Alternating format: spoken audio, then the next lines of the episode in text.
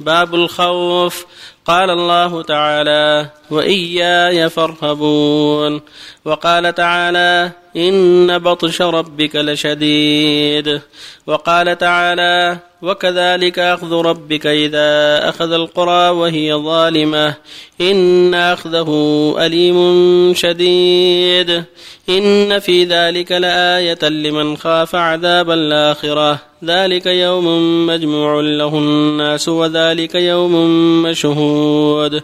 وما نؤخره إلا لأجل معدود. يوم يأتي لا تكلم نفس إلا بإذنه فمنهم شقي وسعيد. فأما الذين شقوا ففي النار لهم فيها زفير وشهيق.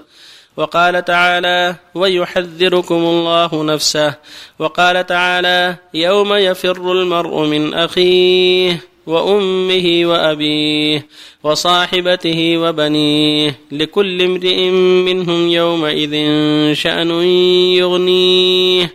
وقال تعالى يا أيها الناس اتقوا ربكم إن زلزله الساعة شيء عظيم يوم ترونها تذهل كل مرضعة عما أرضعت وتضع كل ذات حمل حملها وترى الناس سكارى وما هم بسكارى ولكن عذاب الله شديد. وقال تعالى ولمن خاف مقام ربه جنتان. وقال تعالى وأقبل بعضهم على بعض يتساءلون. قالوا إنا كنا قبل في أهلنا مشفقين. فمن الله علينا ووقانا عذاب السموم. إنا كنا من قبل ندعوه. إنه هو البر الرحيم. والآيات في الباب كثيرة جدا والغرض والإشارة إلى بعضها وقد حصل. وأما الأحاديث فكثيرة جدا فنذكر منها طرفا وبالله التوفيق. عن ابن مسعود رضي الله عنه قال حدثنا رسول الله صلى الله عليه وسلم وهو الصادق المصدوق. أن أحدكم يجمع خلقه في بطن أمه أربعين يوما نطفة ثم يكون علقة مثل ذلك ثم يكون مضغة مثل ذلك. ثم يرسل الملك فينفخ فيه الروح ويؤمر بأربع كلمات بكتب رزقه وأجله وعمله وشقي أو سعيد.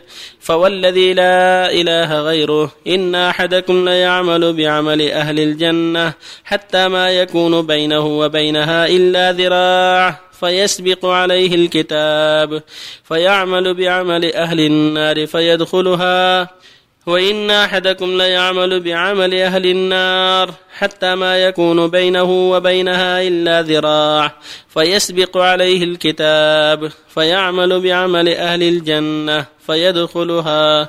متفق عليه. وعنه رضي الله عنه قال قال رسول الله صلى الله عليه وسلم يؤتى بجهنم يومئذ لها سبعون ألف زمام مع كل زمام سبعون ألف ملك يجرونها. رواه مسلم. وعن النعمان بن بشير رضي الله عنهما قال سمعت رسول الله صلى الله عليه وسلم يقول إن أهون أهل النار عذابا يوم القيامة لرجل يوضع بين اخمص قدميه جمرتان يغلي منهما دماغه ما يرى أن أحدا أشد منه عذابا وإنه لأهونهم عذابا. متفق عليه. بسم الله الرحمن الرحيم. الحمد لله وصلى الله وسلم على رسول الله وعلى آله وأصحابه من اهتدى بهداه. أما بعد فهذه الآيات الكريمات والأحاديث كلها تدل على وجوب الخوف من الله وخشيته ومراقبته والحذر من أسباب غضبه وعقابه. هذا الواجب على جميع المكلفين من الجن والإنس من الرجال والنساء. الواجب الحذر من بطش الله وعقابه. قال الله تعالى ويحذركم الله نفسه قال تعالى إن بطش ربك لشديد قال تعالى فلا تخافوهم وخافوني إن كنتم مؤمنين.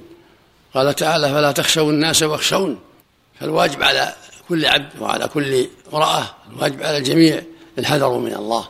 وذلك بالاستقامة على دين الله والثبات على الحق والتوبة من سالف الذنوب لأنه سبحانه هو التواب الرحيم. يتوب على من تاب إليه. يقول جل وعلا وتوبوا إلى الله جميعا أيها المؤمنون لعلكم تفلحون. ويقول سبحانه وإني لغفار لمن تاب وآمن وعمل صالحا. ثم اهتدى. فالواجب على المؤمن أن يحاسب نفسه وأن يتق ربه وأن يحذر يوم القيامة يوم يفر المرء من أخيه وأمه وأبيه وصاحبته وبنيه. لكل امرئ منهم يومئذ شأن يغنيه. ويقول جل وعلا فأما من طغى وأثر الحياة الدنيا فإن الجحيم هي المأوى. وأما من خاف مقام ربه ونهى النفس عن الهوى فإن الجنة هي المأوى. فالواجب أن يحاسب نفسه. ويحذر شرها وأن يستقيم على الحق ويسأل ربه التثبيت والتوفيق. ففي حديث مسعود أن العبد قد يعمل بعمل أهل النار حتى ما يكون بينه وبين الله ذراع. يعني حتى يكون في آخر حياته يختم له بعمل أهل السعادة. مثل الذين أسلموا في آخر حياتهم. عاشوا في الكفر ثم أسلموا وماتوا في الحال. أراد الله بهم خيرا. ماتوا في الحال أو قتلوا في سبيل الله بعدما أسلموا. كل ذلك مما أراد الله بهم خيرا. سبقت لهم السعادة. وهيئ لهم الإسلام والاستقامة عليه حتى قتلوا أو ماتوا. وكذلك العبد قد يعمل بعمله السعادة ثم نعوذ بالله يرتد عن دينه ويزين له الكفر ويميل إلى أهل الكفر فيختلف بخاتمة أهل النار نسأل الله. فالواجب على العبد أن يسأل ربه ويضرع إليه دائما أن يثبت الحق والإيمان والهدى وأن يحذر أعمال الكافرين وأعمال الضالين حتى لا تزل قدمه. يقول صلى الله عليه وسلم إن جهنم لها سبعون ألف زمام كل زمام بيد سبعين ألفا يجر له يوم القيامة. كما قال تعالى وبرزت الجحيم للغاوين. سوف تبرز هذه النار. يقودها سبعون تقاد بسبعين ألف زمام كل زمام كل خطام بيد سبعين ألف ملك. هذا يدل على سعتها وعظمتها وكثرة من يجرها من ويتصل بها من الملائكة. وكثرة الملائكة أيضا. فالواجب الحذر. الحذر من شرها وعذابها. والحذر من أعمال أهلها نسأل الله العافية. حديث النعمان. إن أهون الناس عذابا يوم القيامة من يوضع في أخمص قدمه جمرتان من نار يغلي منهما دماغه فهو يرى أنه أشد الناس عذابا وهو أهونهم عذابا. نسأل الله العافية. فالحاصل الواجب على كل مكلف أن يحذر عقاب الله وأن يستقيم على الحق ويسأل ربه التوفيق يضرع إلى الله يثبته وأن يحسن له الختام حتى يسلم من عالي أهل النار. نسأل الله العافية. والخوف الصادق يجب ذلك من خاف الله خوفا صادقا أوجب له الجد في طاعة الله والثبات على الحق والاستقامة على الحق وسؤال الله الثبات والهدى حتى يموت. نسأل الله الجميع التوفيق والهداية. رجل الوارد في حديث النعمان هو أبا طالب.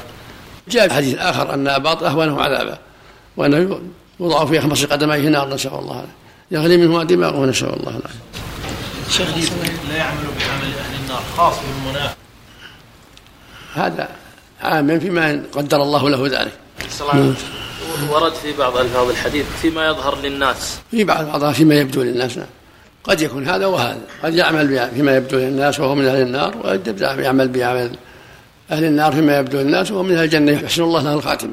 كما أسلم كثير من الناس في عهد النبي صلى الله عليه وسلم وبعده ثم قتلوا في الحال وماتوا على الإسلام في الحال بعد دقائق قليلة.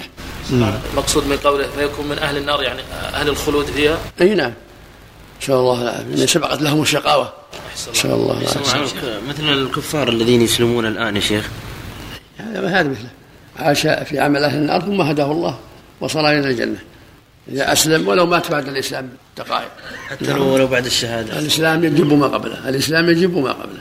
فإذا أسلم محى الله عنه كفره. نعم. الله عملك. قصة الرجل الذي كان تابع صلى الله عملك ثم مات وقالت أمه صلوا على قتيل النار. ما أعرف هو ما أعرف. أحسن الله عملك. شيخ الله إليك. قول الله تعالى إن الله لا يغفر أن يشرك به. هل يدخل فيها شيخ الشرك الأصغر؟ هو الظاهر والله يدخل في الشرك الأصغر لكن صاحبه لا يخلد في النار. إن دخلها لا يخلد مثل الكبائر.